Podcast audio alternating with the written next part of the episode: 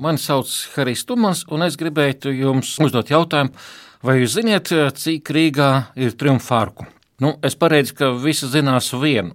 To arku, ko oficiāli sauc par Aleksandra vārtiem. Šie vārti tika uzcelti 1815. gadā par godu Krievu impērijas uzvarai pār Napoleonu un imperatora Aleksandra atgriešanās gājienam atpakaļ uz Krieviju. Es ceru, ka klausītāji visi zina, kas ir triumfārkas. Ja, tātad speciāla tipa celtnis, ko sāk būvēt senie romieši, lai atzīmētu karavādu un triumfu, tātad uzvaru. Vārka tātad ir simboliski vārti, caur kuriem triumfējušais karaspēks iet Romā. Un uh, jau romieši pasaukuši uz trim farkām, attēlot uh, Viktorijas, jeb uzvaras dievietes uh, skulptūras abos sānos pie Aila saba malām, lai tāda veida pasvitrotu triumfējušu karavadoņa un karaspēka uzvaras slavu.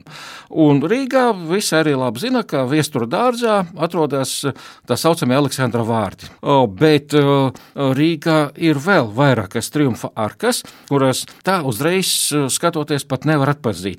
Un interesantākā tāda triumfa arka, manuprāt, ir Pētera baznīcas portāli. Tagad skulptūras ir apskatīts, bet vispār šie portāli tika uzcelti 1694. gadā, un to darīja arhitekts Ruperts Bindenšu. Uh, un sānu portālos tas ir īpaši uzkritoši. Mēs redzam divas lidošas uh, figūras. Nu, mēs tradicionāli esam pierādījuši uzskaitīt šīs figūras par eņģeļu figūrām, bet, ja ieskatāmies uzmanīgi, mēs redzam, ka īstenībā tas ir uh, sieviešu figūra figūras, un viņas tur rokās uh, uzvaras uh, vainagus. Principā mēs varētu teikt, tas ir tāds divdomīgs attēls, kurš vienlaicīgi var tikt saprasts gan kā eņģeļa figūras, gan kā romiešu uzvaras dievietes Viktorijas.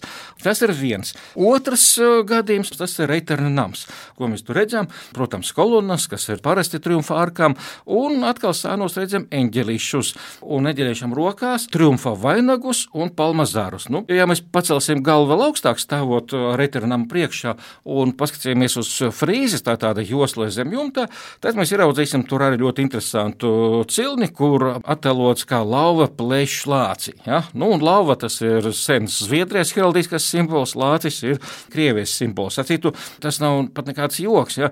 Krievija sāk asociēt ar lāčiem jau 16. gadsimta uz geografiskām kartēm. Uh, un mēs zinām, ka returnama fasādes apdare tika pabeigta 1000. 1688. gadā, un šā gadā apritēja 30 gadi, kopš Zviedriem veiksmīgi bija beidzies karš ar Krieviju.